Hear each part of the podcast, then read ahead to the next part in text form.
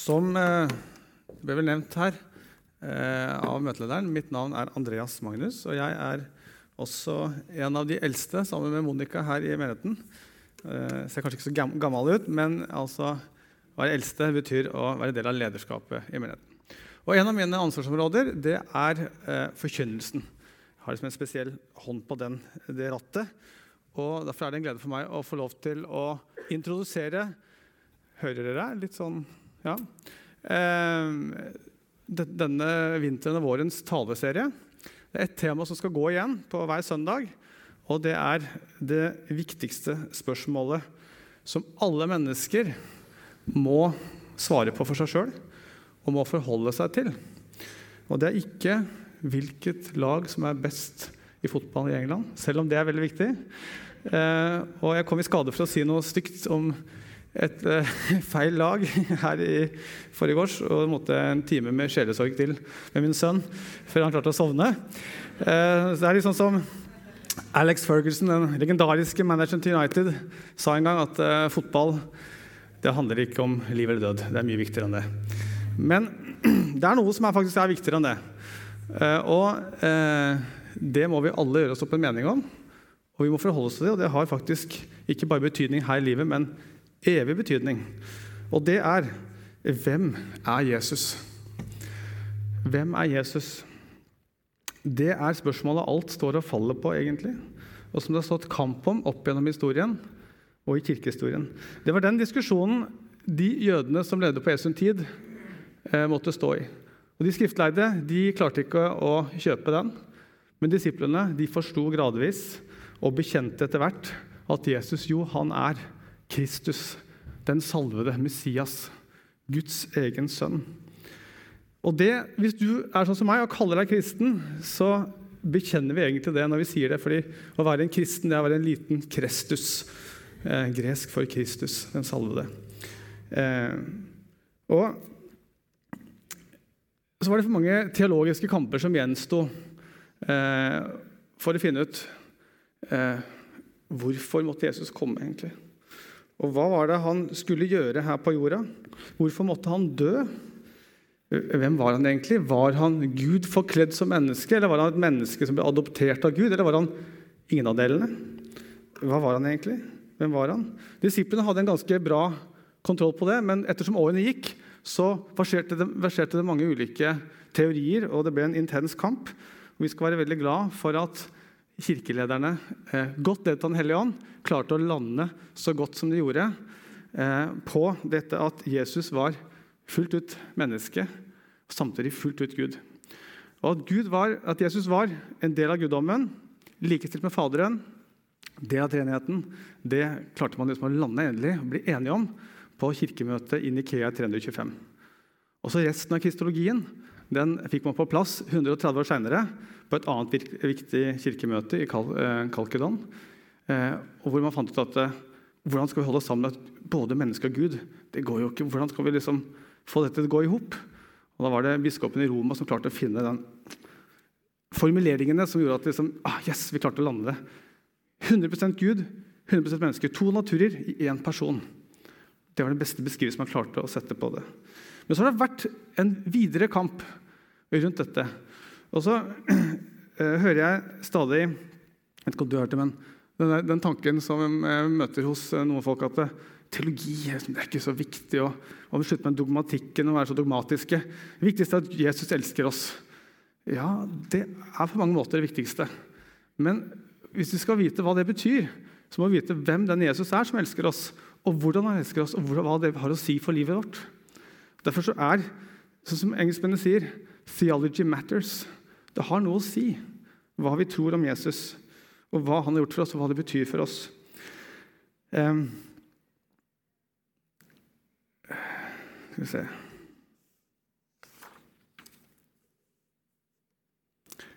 Jesus sier jo selv i Johannes 14, 14,6 Jeg tror kanskje mange av dere kjenner det verset. At han er den eneste veien til Gud. Da er det litt viktig hva vi lærer om Jesus, hvem han er. Eh, og til hjelp i å navigere i det her, så har vi fått, fått noen verktøy. Gud har åpenbart, selv, åpenbart seg selv for oss. gjennom profetene og gjennom Jesus når han levde på jorda. Og Dette har vi fått samlet i Bibelen. Sånn at Hvis vi skal si noe meningsfylt om Gud, så er det Bibelen som er fundamentet for det. Og Her i Hånes frikirke så ønsker vi å bygge det vi lærer, på, eh, lærer om Jesus, på nettopp Bibelen. Sola scriptura. Skriften alene, sa Luther.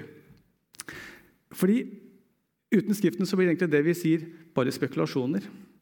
Våre egne meninger. Og eh, En av de største filosofene i det forrige århundret, Ludvig Wittgenstein, han sa noe veldig smart.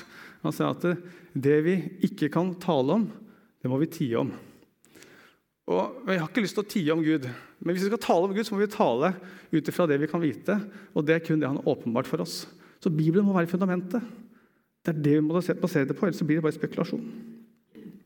Så Derfor har vi tenkt denne våren og vinteren her så skal vi se på, på Bibelen. Hva er det Bibelen lærer om Jesus? Hvem er han? For å forstå hva han har å si for oss, hva han vil oss, og hva det betyr for våre liv. Så må vi se på de, de titlene, de begrepene, de bildene, de uttrykkene som brukes om Jesus gjennom hele Bibelen. Fordi, jeg vet ikke om du har tenkt over det, men Hele Bibelen peker faktisk fram mot Jesus. Det var poenget til Jesus når han snakket til Emmaus-vandrerne. Skal du huske, Jeg nevnte det i en tale tidligere. Han pekte på hvordan profetene alt snakket om ham. Hele Bibelen peker fram mot Jesus. og Det skal vi prøve å skjønne litt mer av det på den våren. her. Og så har jeg fått lov til å begynne i dag. Hvor begynner man da? Det kan være fristende å begynne med det vi nettopp har feiret. Juleevangeliet, at, at Jesus blir menneske. Men jeg skal lyst til å gå enda litt lenger tilbake. Og så lyst til å eh, dra perspektivet maksimalt ut. Eh, og da tar jeg utgangspunkt i den siste boken i Bibelen, Johannes' åpenbaring, hvor Jesus omtaler seg sjøl som alfa og omega. Den første og den siste. Og Jeg skal lese eh, de versene som vi skal eh, benytte oss av i dag. Jeg er alfa og omega, sier Gud Herren, Han som er og som var og som kommer, den allmektige. Og Så begynner forfatteren å snakke. Jeg, Johannes, som er deres bror har del med dere i trengselen og riket og håpet i Jesus, jeg var på øya Patmos. Dit var jeg kommet pga. Guds ord og, eh, og vitnesbyrdet om Jesus. På Herrens dag kom eh, ånden over meg. Herrens dag det er jo i dag, søndag. Eh, og jeg hørte en mektig røst bak meg med klang som en basun, og den sa:" Det du får se, skal du skrive i en bok og sende den til de sju menigheter til Efesos, Myrna, Pergamon, Tyatira, Sardis, Philadelphia, Ladikea. Jeg ventet meg for å se han som talte til meg. Da så jeg sju lysestaker av gull, og midt mellom lysstakene en som var lik en menneskesønn, kledd i en fotsid kjortel og med et belte av gull om brystet. Hans hode og hår var hvitt som hvit ull eller som snø, og øynene som flammende ild. Føttene var som bronse glødet i en ovn, og røsten lød som bruset av veldige vannmasser. Og I sin høyre hånd så holdt han sju stjerner, og fra hans munn gikk det ut et skarpt, tveget sverd. Ansiktet var som solen når det skinner i all sin kraft. Da jeg så ham, jeg meg som, falt jeg som død ned for føttene hans. Men han la sin høyre hånd på meg og sa, 'Frykt ikke. Jeg er den første og den siste.' Og den levende. Jeg var død, men se, jeg lever i all evighet og er nøklene til døden og dødsriket. Sånn lyder Herrens ord. Dette var fra åpenbaringsboken. Det er en veldig spennende bok. dere. En litt merkelig bok også. Den er full av masse symboler. Masse dyr, og det er stjerner, og det er lysestaker, og det er engler og demoner, og det er lam og løver og hester og drager og leoparder. Veldig mye tilsynelatende rart. Men selv om det er Bibelens, en, av, en av Bibelens vanskeligste bøker å forstå, kanskje, så trenger vi den. Hvorfor det? Jo, jeg tror vi trenger den fordi av samme grunn som de første leserne trengte den. Fordi det er en bok som kan gi trøst og mot til å stå i en krevende tid. Forfatteren identifiserer seg sjøl som Johannes. og Da tror vi at det er Johannes, eh, disippelen Johannes vi snakker om. Og eh, Mottakerne av boken er disse syv menighetene i Lilleasia. Det er altså dagens Tyrkia. Eh, og Det er ikke så lett å være kristen i Tyrkia i dag, men det var jammen ikke så lett på den tiden heller. Fordi, Hva er konteksten her? Jo, keiser Nero, denne grusomme, sinnssyke keiseren, han er død. Og den forfølgelsen han satte i gang, han brant ned Roma og ga de kristne skylden for det, den har ebbet ut. Men det har kommet en ny keiser som er enda verre. Domitian heter han. Og eh, Som startet en mye mer systematisk forfølgelse enn det Nero noen gang gjorde. Eh, og Noen av de kristne som leser denne teksten til Johannes, dette brevet, denne boken, de har allerede begynt å kjenne på kroppen eh, hva dette eh, skal få å si for dem.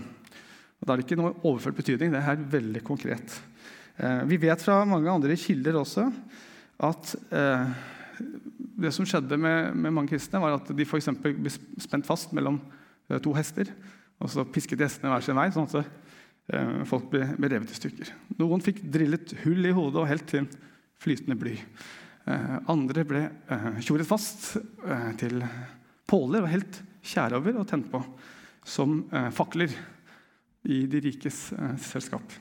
Og så var de som ble kastet til løvene. Det var de heldige. Det var, liksom, det, var det, det, som var minst smertefullt, kanskje. Men det er konteksten for de kristne som får dette brevet. Og da kanskje vi forstår det en litt annen måte enn kanskje mange leser den Skriften i dag. Eh, så blir spørsmålet til oss da ehm, Hvordan kunne de kristne håndtere sånne forferdelige skjebner? Hva var det som gjorde at de sto i det? For det gjorde de. Ehm, for den Forfølgelsen klarte ikke å knekke Kirken i det hele tatt. Det var den perioden hvor Kirken vokste raskest. De første 300 årene da var da Kirken aldri vokst så raskt som den gjorde da. Eh, jo mer de ble forfulgt, jo mer vokste kirken. Martyrenes blod ble kirkens såkorn, sier en av kirkefedrene. Og når romerne så hvordan de kristne møtte dette her, med en sånn indre ro, uten hat og til tider med, med glede, eh, så ble de desperate. finne ut hva er det disse kristne har.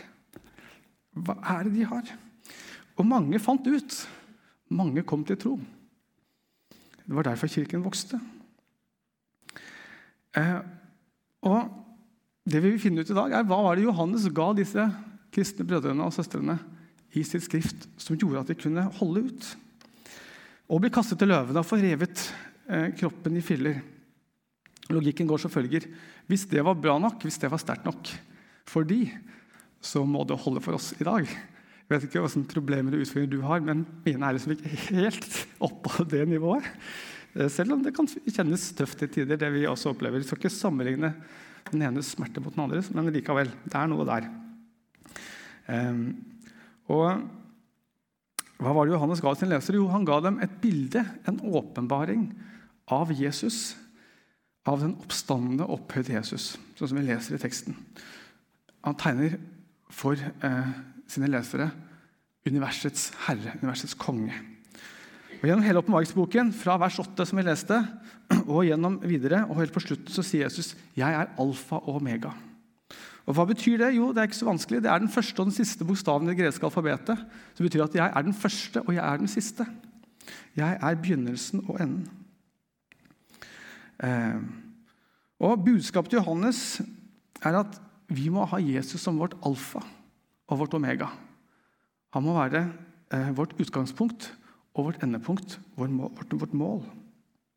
Og hvis vi har det, da kan vi holde ut i hva det skulle være.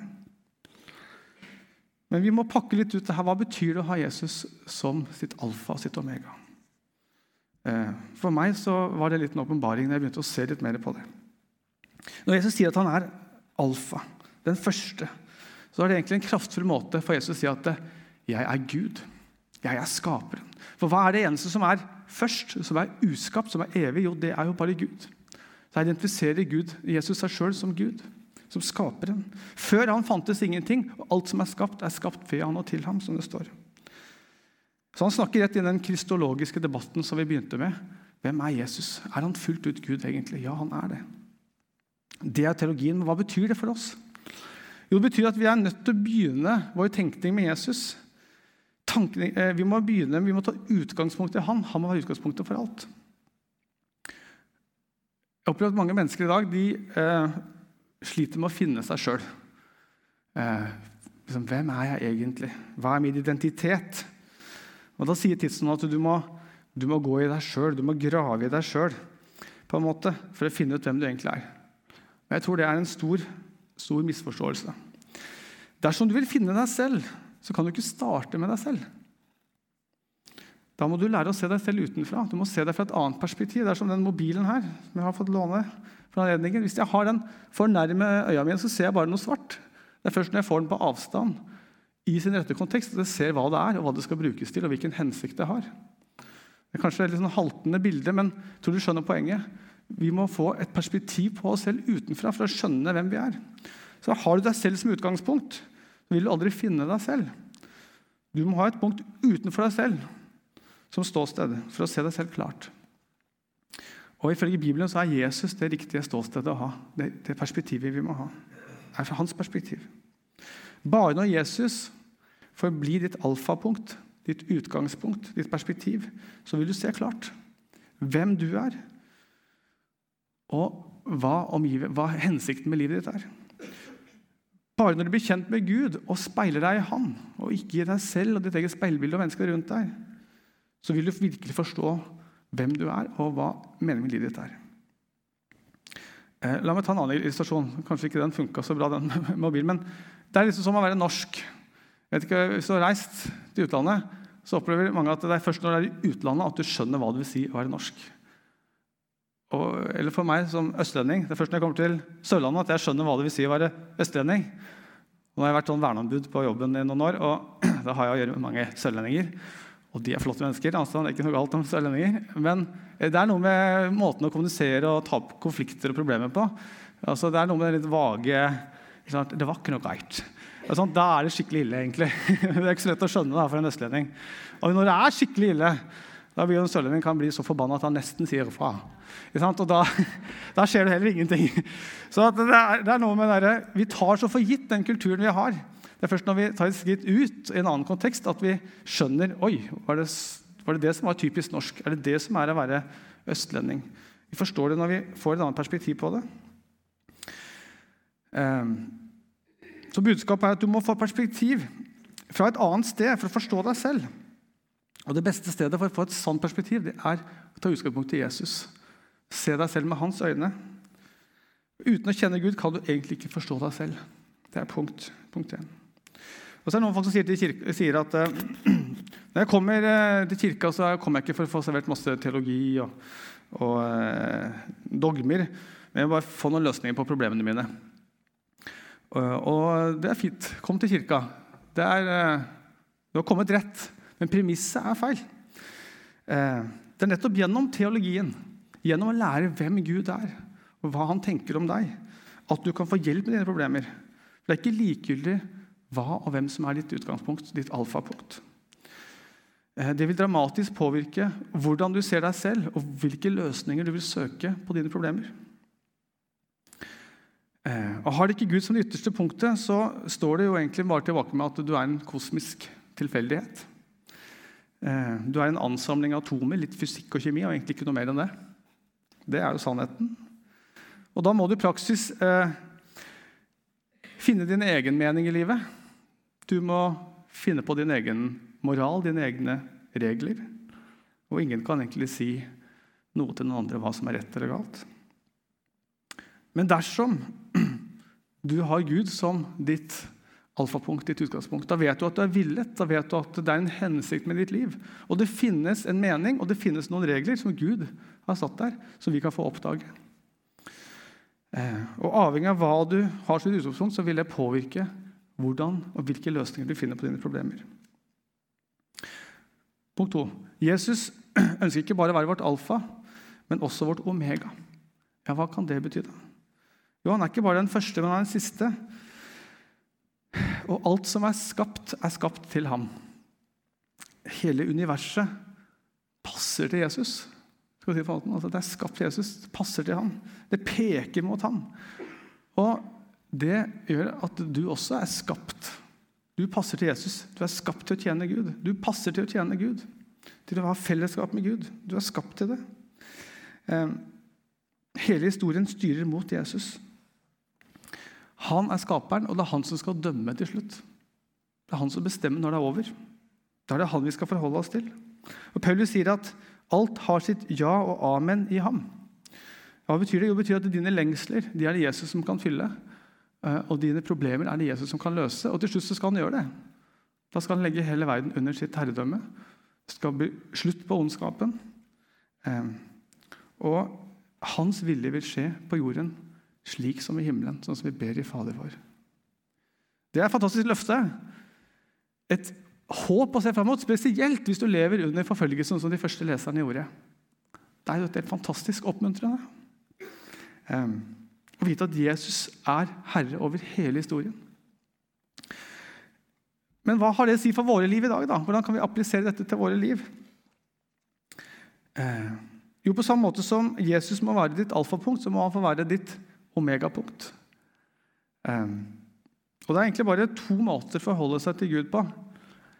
Enten så er Gud eh, et middel til å nå dine omegapunkter. Eller så er det Gud som er målet, og så blir alt annet, alt annet midler til å nå fellesskapet med Gud. Det er egentlig bare de to valgene du har. Eh, og hvilken du velger å praktisere, det vil få store konsekvenser. Eh, på overflaten kan det se litt likt ut. Du sitter her siden av i benkeradene med andre som tenker at eh, vi er jo helt like. Men hvordan vi tenker om Gud, det får betydning. På lang sikt så vil det påvirke hvordan vi havner. Egentlig snakker vi nesten om to forskjellige religioner. I den ene religionen så er det Gud som er Gud, i den andre så er det du som er Gud. Altså at Gud skal hjelpe deg på veien. Um, vi kan ikke la Gud være et middel til å oppnå våre mål. Vi må la Gud være målet.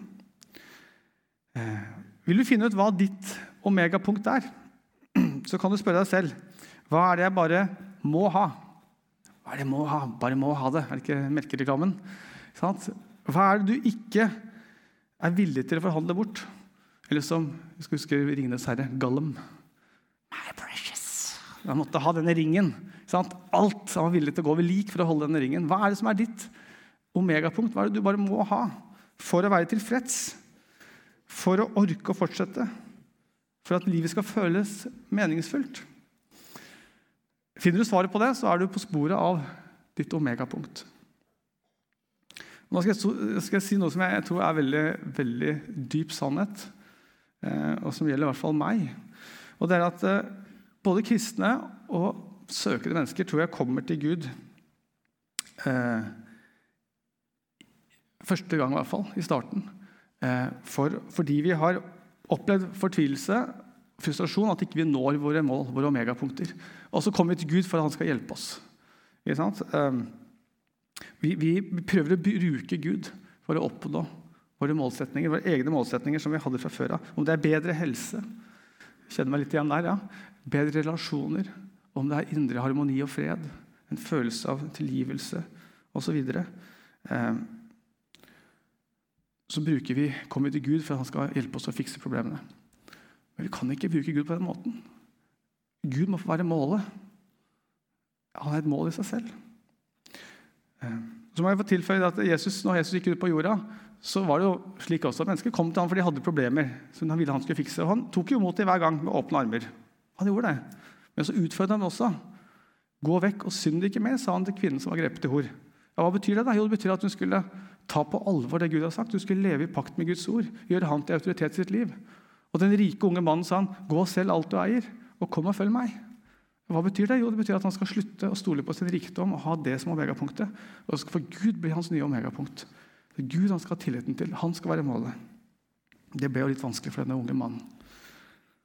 Vi vet ikke hvordan det gikk med denne eh, kvinnen som var grepet i hor, men utfor, Jesus utfordret alltid til radikal etterfølgelse. La oss jeg har lyst til å illustrere også med noen eksempler fra Gammelsementet. Jeg liker at vi alltid drar med Gammelsementet. Jeg elsker Gammelsementet. Eh, og Der møter vi en person som dere har hørt om før. Han heter Moses.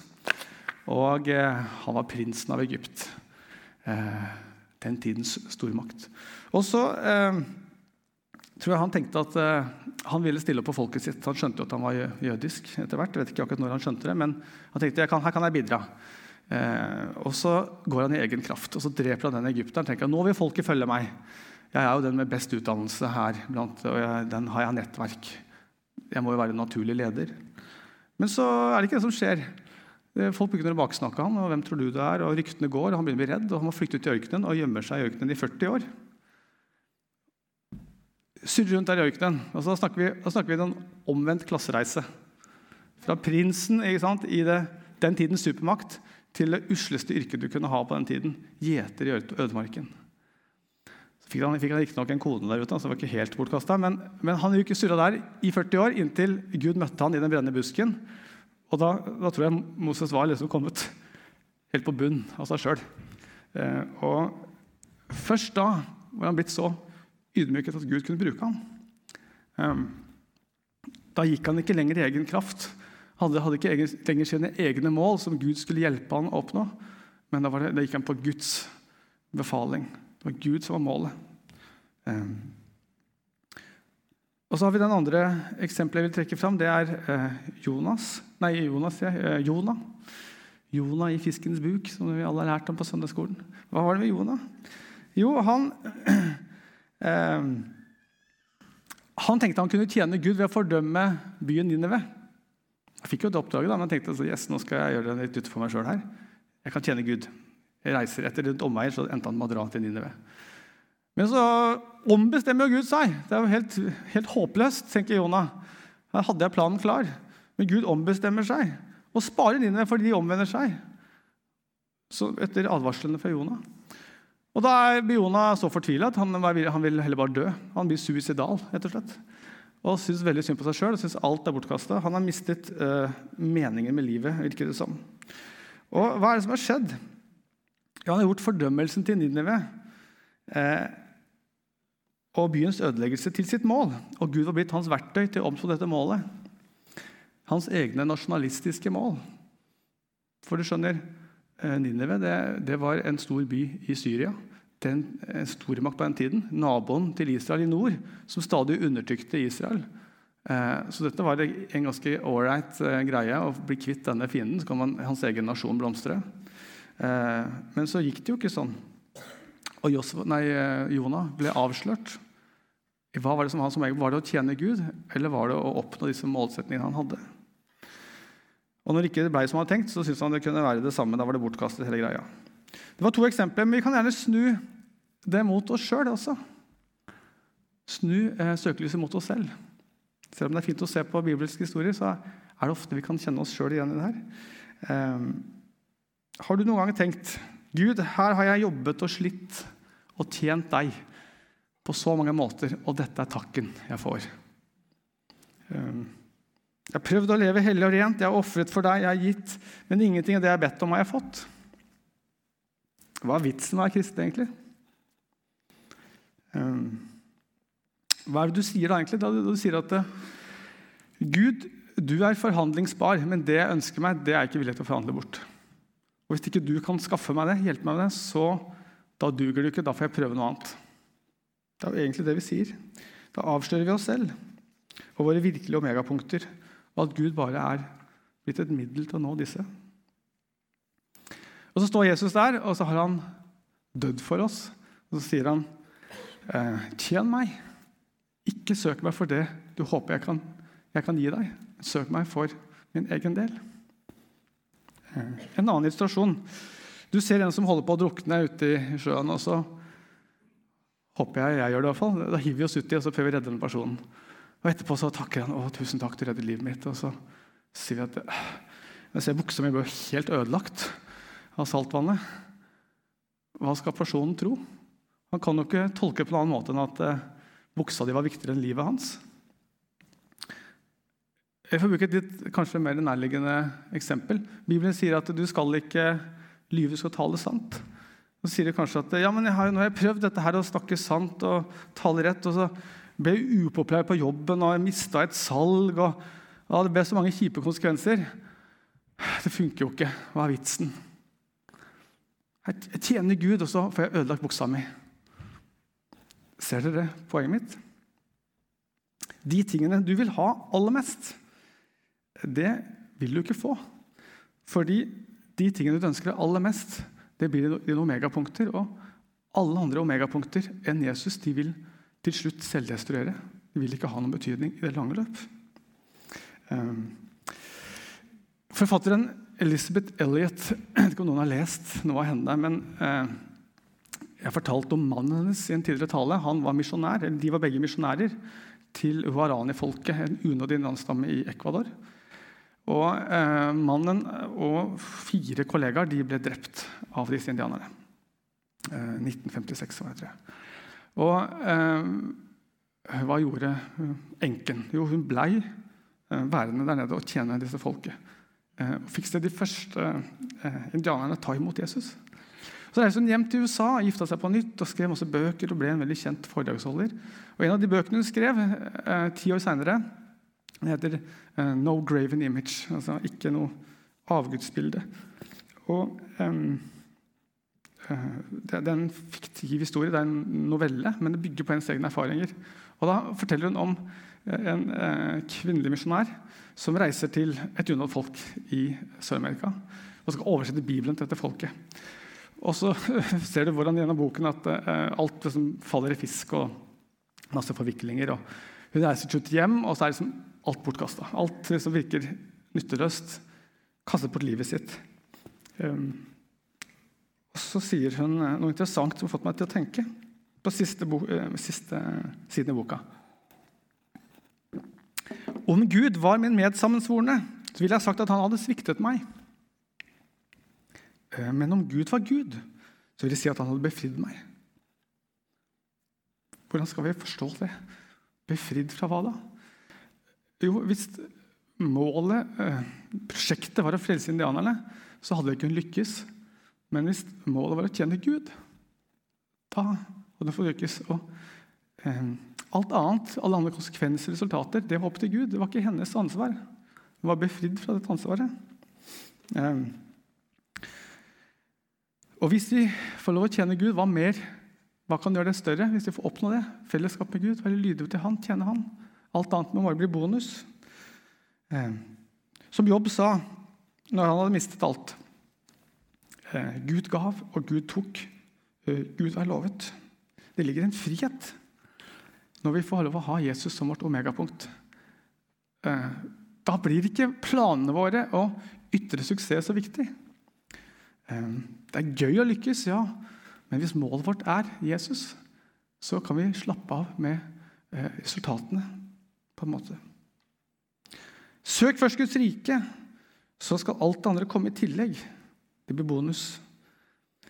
Målet er Gud selv, og da blir vi helt fri. For da er det ingenting vi trenger å frykte lenger. Heller ikke forfølgelse. Eh, da blir vi virkelig fri. Jeg tror det er et av poengene til Johannes, til de kristne. Eh, når jeg forberedte den talen her, så, så, var jeg litt sånn eh, bekymra for eh, at det skulle være litt sånn for radikalt. kan du skjønner hvorfor jeg tenkte det. Men eh, at du kanskje kunne føle deg litt fordømt. At du ikke når helt opp til denne standarden. Eh, da har jeg lyst til å si at eh, det gjør ikke jeg heller. Og eh, jeg tar meg sjøl stadig og bruker Gud som et middel. Og jeg tror det er godt for oss å vite at sånn er vi alle sammen i mer eller mindre grad. Det er sånn vi begynner vår vandring med Jesus. Vi kommer til han fordi vi er frustrerte og ikke får til livet. Men Jesus er ikke et batteri for vårt gamle liv. Han er et nytt liv. Og det er viktig å huske på. Han ønsker å bli vårt omegapunkt. Og han er det eneste omegapunktet som er verdig å ha, og som vil vare, og som teller til slutt. Så det å bli kristen det betyr å reorganisere våre omegapunkter. Være villig til å gjøre det. og Da kan selv så smertefullt det kan være, så når vi ikke får bønnesvar, så er ofte det en måte Gud hjelper oss å reorganisere våre omegapunkter. Har du tenkt på det? Når du ber så inderlig om en eller annen ting som du har, så får du ikke svar. Kanskje det er et ledd i Guds eh, arbeid med oss til å få fokuset riktig, prioriterende riktig. Ikke alltid, men kanskje av og til. Jeg skal straks runde av, men jeg har lyst til å eh, banke hjem et siste poeng som har med alfa og omega å gjøre. Fordi Hvis Gud er ditt alfapunkt, så har du en hensikt. Hvis Gud er ditt omegapunkt, så har du et mål. Det er å eh, leve og herske med Jesus. Og da, Hvis det er meningsfullt, og avslutningen er meningsfullt, så blir alt imellom meningsfullt. Men hvis du snur dette på hodet, så blir det samme sant. Hvis utgangspunktet ditt, alfapunktet ditt er meningsløst Du er bare kjemi og fysikk. Og endepunktet ditt er en meningsløs tilintetgjørelse, så blir jo alt imellom også meningsløst. Har du tenkt på det? Eh, og Hvis du da prøver å snakke, prøver å engasjere deg i det gode sak og kjempe for rettferdigheten og eh, gjøre det som er rett, så er det egentlig bare et forsøk på å tre noen subjektive strukturer nedover en tilfeldig virkelighet. Men det er til syvende meningsløst. Og man bør være så ærlig, intellektuelt ærlig og si at det, det er sånn det er. Um, men dersom du er kristen og har Gud med i, i ligningen, så er det meningsløst. Selv om du skulle miste noen du er glad i. Selv om du skal gå gjennom lidelse, selv om du skulle møte motgang, så er det meningsfylt. Fordi starten og slutten er meningsfull. Det er et viktig poeng for eh, de første kristne som leste det her. Og jeg tror det er et viktig poeng for oss i dag, fordi vi kommer til, tror jeg, å oppleve mer tøffe tider. Jeg tror ikke det blir helt enkelt å stå for sannheten i en relativistisk tid å stå for Bibelens budskap og det kristne virkelighetsbildet når eh, toleransen for andres tenkende blir stadig mindre. Um, ja, jeg tror jeg skal eh, gi meg der. Så har jeg lyst til å be en liten bønn. Skal være litt stille sammen. Um, takk, Jesus, for at du er alfa og omega. Om vi innser det eller ikke, så er det du som er skaperen og dommeren. Første og den siste. Og Så ønsker du fellesskap med oss. Det er fantastisk. Takk, Jesus. Må du få den plassen du fortjener i våre liv. Ehm, og må du hjelpe oss å innse at vi har ingenting å frykte så lenge vi tjener deg, følger deg. Det eneste vi trenger å bekymre oss over, er at vi gir respons på din invitasjon når du kaller oss. Og takk for at du kaller oss stadig nærmere inn i relasjon med deg. Takk for det, Jesus. Amen. Hvis at Før vi går videre inn, vi skal ha nattverd straks, så jeg har lyst til å om vi kan være litt stille sammen og lytte til Den hellige ånd. Kanskje han vil vise oss noe. Kanskje han har talt til oss i løpet av talen eller tidligere i møtet. Ehm, så jeg har lyst til å utfordre deg på, på to ting. Kanskje du er her i dag som Hvis du er ærlig med deg sjøl, har egentlig aldri gjort Jesus virkelig til herre i ditt liv. Du har aldri eh, gjort Jesus til herre i livet og sagt ja til ham. Så har du en anledning til å gjøre det. Gjøre han til ditt alfapunkt. Eh, eller kanskje du har eh, eh latt andre ting få lov å ta førsteplassen i livet ditt. Kanskje den hellige ånd vil vise deg å trenge å reorganisere noen av dine omegapunkter. At Jesus får bli målet, ikke bare et middel. Ehm, jeg vet ikke, men La oss være litt stille og så la Den hellige ånd tale til oss. Kanskje han har noe annet å vise deg. For han vil alltid tale til oss når vi er villige til å lytte. Så er vi stille bare noen et halvt minutt eller et minutt, og så lytter vi til Den hellige ånd.